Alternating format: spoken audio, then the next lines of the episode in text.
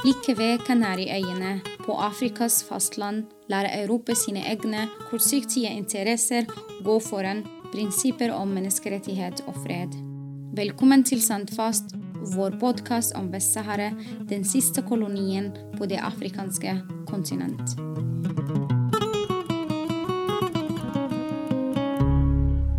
Den koblingen som du vanligvis hører mellom Norge og Vest-Sahara, er stort sett norske selskaper som er aktive i Vest-Sahara. Men det er også mange andre forbindelser med konflikten. Blant annet har flere nordmenn jobbet i ulike deler av FN-systemet og vært utstasjonert i Vest-Sahara. Dagens gjest er Margarete Setesdal. Hun var i leirene i 2006 på oppdrag for FNs høykommissær for flyktninger til de isolerte flyktningleirene i Algerie, hvor halvannet folket fra Vest-Sahara nå bor. Det er hyggelig å treffe deg her i Bergen. Eh, Margrethe, velkommen. Takk for det. Så Det var veldig hyggelig å snakke med deg, for vi begynner nå. Og vi har så mye ting å snakke om. Og så Det er så hyggelig å få prate med en som har jobbet med FN i de samme leirene hvor jeg selv er født og oppvokst. Så hvordan endte du opp akkurat der, også fra Bergen til flyktningleirene? Mm, Ja, det var jo ikke helt frivillig i begynnelsen. Fordi at jeg så faktisk et TV-program eh, om Vest-Sahara-konflikten som gjorde veldig inntrykk på meg. Men jeg syns det så litt skremmende ut å reise dit, for det var harde livsvilkår, og det var høye temperaturer, og det kunne også være kaldt. og Så jeg, jeg satt hjemme i min stue og tenkte ah, det er godt at jeg ikke skal reise dit, da. Og en uke etterpå fikk jeg telefon fra Flyktninghjelpen, hvor de sa at de hadde fått forespørsel fra UNHCR om de kunne få en education officer stasjonert i flyktningleirene i Algerie, om jeg var villig til å dra. Og jeg, hun hadde ikke snakket ferdig før jeg hadde sagt ja, jeg drar. For jeg liker, jeg liker å gjøre det som er litt på kanten av det jeg egentlig er behagelig med. Det, jeg syns det er spennende og det er interessant. Og jeg hadde jo nettopp hørt om konflikten her nede, så jeg var jo egentlig tent på å få vite mer om den.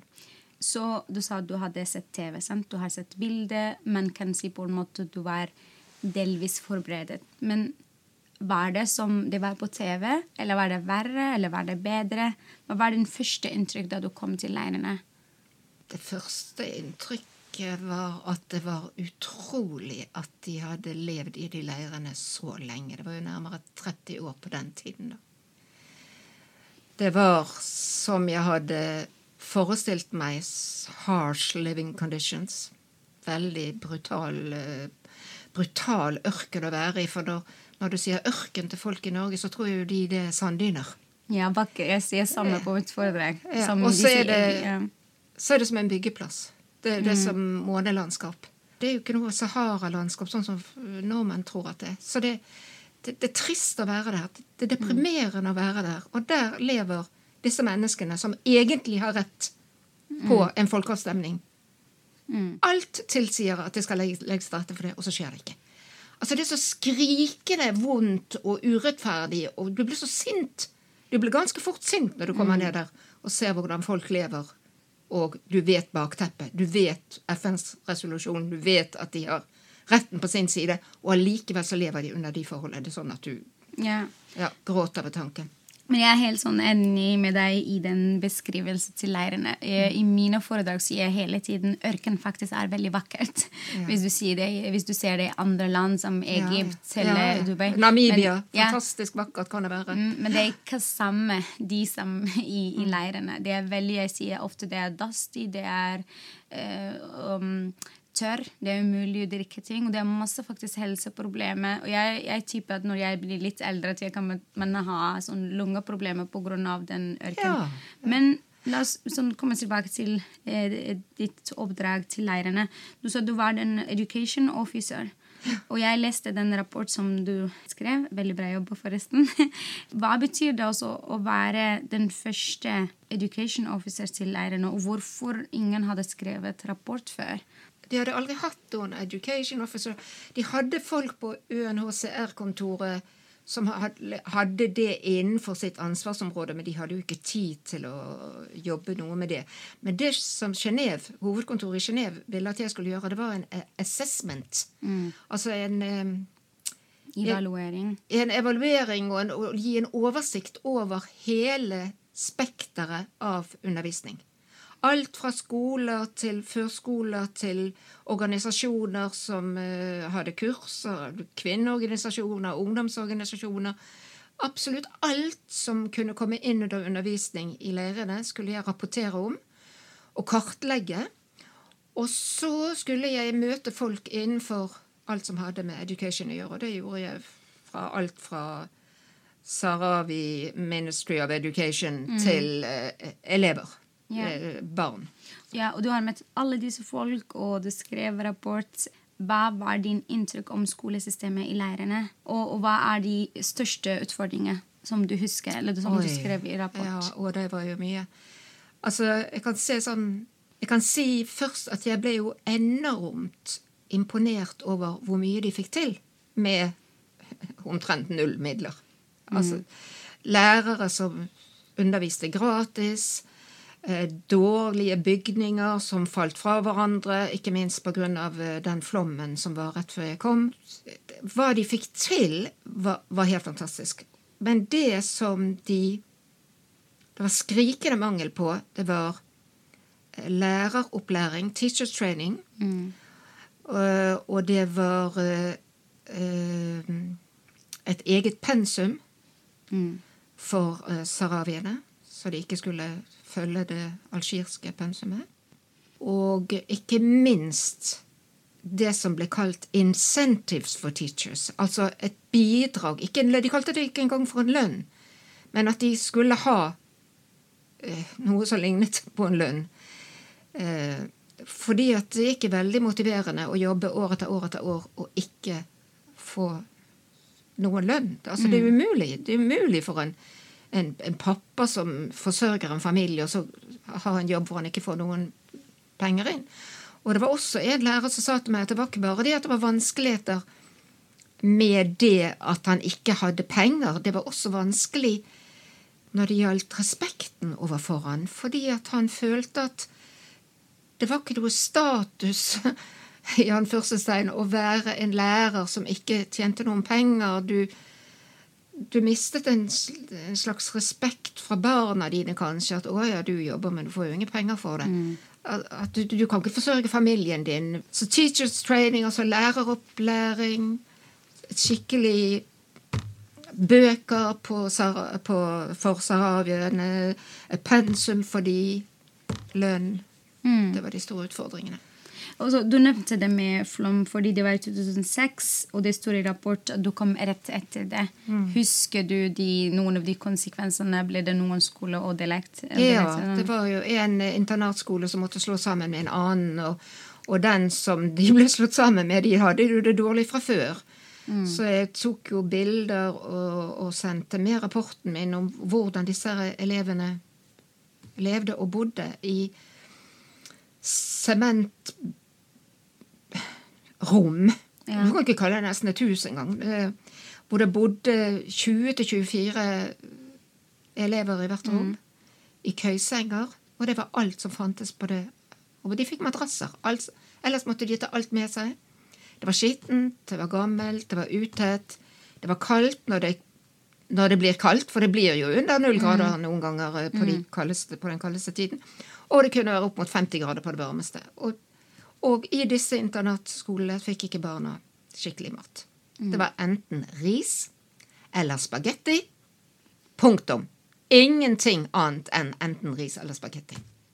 Og da var det egentlig bevilget penger til at de skulle få mat, men det var treghet i systemet. det var folk som ikke klarte å få det frem. Og så Nei, vi kan, vi kan ikke begynne midt i året. Det er for noe tull. Så det var jo systemet også som sviktet rundt i. Så, men nå systemet forstår jeg de to skolene som jeg snakker om. Ja. Eksisterer de fremdeles? Nei, de, Nei, de eksisterer ikke, ikke lenger. Men uh, når du sier TG-systemet, du mener også internasjonale organisasjoner Ja, som ja. eh, de jobber, uh, jobber der. Uh, og det med lønn til lærere, og særlig nå, nå har det gått eh, Siste gang du var der, så var det 30 år. Det her var 30 år mens folk var i leiren. Nå er det over 40 år. sant? Ja. Og leirene er veldig avhengige av humanitær bistand før, men nå er det mindre og mindre. Og så nesten at flyktninger må kjøpe mye selv. Og tenk om du jobber som en lærer med veldig Kanskje nå er det litt lønn til læreren, men det kan være noe som tilsvarer Jeg skal ikke si noe som kan bli kanskje feil, men det kan ikke være mer enn 500 kroner hvert semester også til lærere i, i leiren. Det, så det er fortsatt på en måte sånn eh, eh, samme. Men hva, når du sier at de kjøper mat, altså hva jobber de som? Hvordan får de inntekt i det? da? Kreativitet. Kreativitet. Nei, men eh, leirene også endrer seg. Det er folk For eksempel min generasjon, mange med høy utdanning. Mange har studert i universitetet enten i Algerie eller i andre land. Men du kommer tilbake, så har man ikke mulighet til å bruke den utdanningen som i Nei, Norge. Ja. Og da må du folk være kreative. Så det er taxisjåfør eller en butikk, om du er en handy person, kanskje du kan jobbe med å bygge de husene som du så i leirene. Eller kan folk, hvis du har familiemedlemmer som bor i utlandet, f.eks. som meg, så kan du sende penger til familie. Men som du sier, det er masse utfordringer i leirene, men de er, disse utfordringene er verre for andre. Altså verre enn andre. Og det er f.eks. folk med handikap. Altså folk med funksjons, funksjonshemmede Ja. eh, i leirene. Du, eh, jeg leste i rapport at du har i tillegg til lærere på skole, så fikk du også møte folk som jobber med eh, handikapsenter. Jeg var på handikapsenteret og besøkte de. Hvordan var det? Nei, De var jo helt fortvilet. For hvis, hvis lærerne hadde behov for teachers training, så hadde disse enda mer behov for det. Så de følte seg, de, Med få midler så gjorde de så godt de kunne, men det var jo nesten umulig. For, altså, de, de jobbet der, men det, de var der og gjorde så godt de kunne. Men de, de, de hadde jo ingen hjelp. Verken ved hjelp av teachers training eller ved hjelp av midler eller ved hjelp av utstyr. eller... Og, og der kommer min beundring igjen for disse som, som bare sto på. Ja. Margrethe, før vi kom hit i studio, så eh, jeg spurte deg sånn, hva, hva var det sterkeste minnet du hadde fra leiren? Og du snakket om å komme til et muslimsk samfunn. Ja. Jeg visste jo at jeg skulle til et muslimsk samfunn. Jeg visste ingenting om den religiøse situasjonen i Vest-Sahara. Jeg, bare visste at det var et muslimsk samfunn. Og da kommer jo man med visse forventninger til at det skal være konservativt, og det skal være strengt, og kvinner er undertrykt, og all, alle disse forestillingene man har.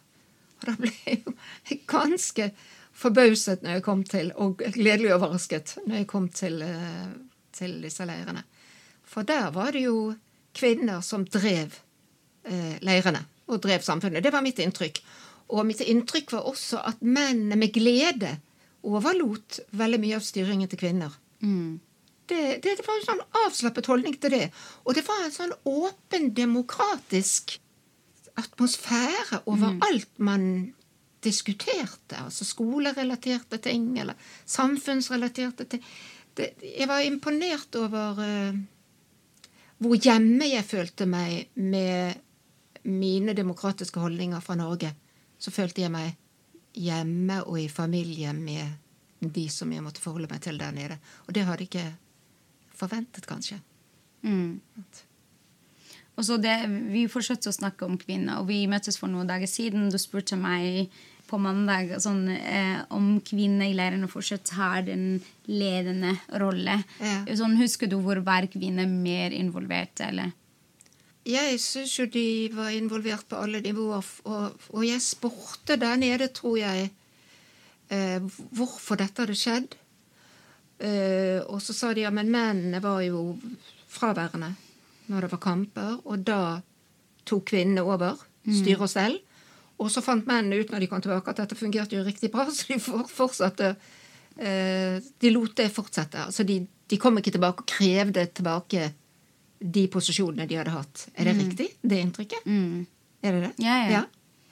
Det var den forklaringen jeg fikk Ja, på hvorfor det, det kunne utvikle seg på den måten i, I blant blant sahrawiene. Ja. Margrethe, jeg ser også i denne rapporten så er det flere bilder. Og så er det tre barn her som sitter i et rom i leirene. Og det er veldig morsomt, fordi en av dem er faktisk barnet til mine naboer. Han Ja. det. Hvem var de? Eller hva? Hvordan var det å snakke med barna i leirene? Ja, det- skoler? Ja, jeg intervjuet både en gruppe jenter og en gruppe gutter. Derfor sier jeg det. Og da stilte jeg de spørsmål om hva de ønsket å bli, og de var veldig ambisiøse, alle sammen. Og så spurte jeg de hva de likte og ikke likte, eksempel. Da kom det jo det politiske bildet frem med en gang. De var så veltalende, og de var så bevisst på samfunnet og politikken, men ikke bare lokalt, men også internasjonalt. Og eh, jeg vet at jeg eh, stilte både guttene og jentene dette spørsmålet.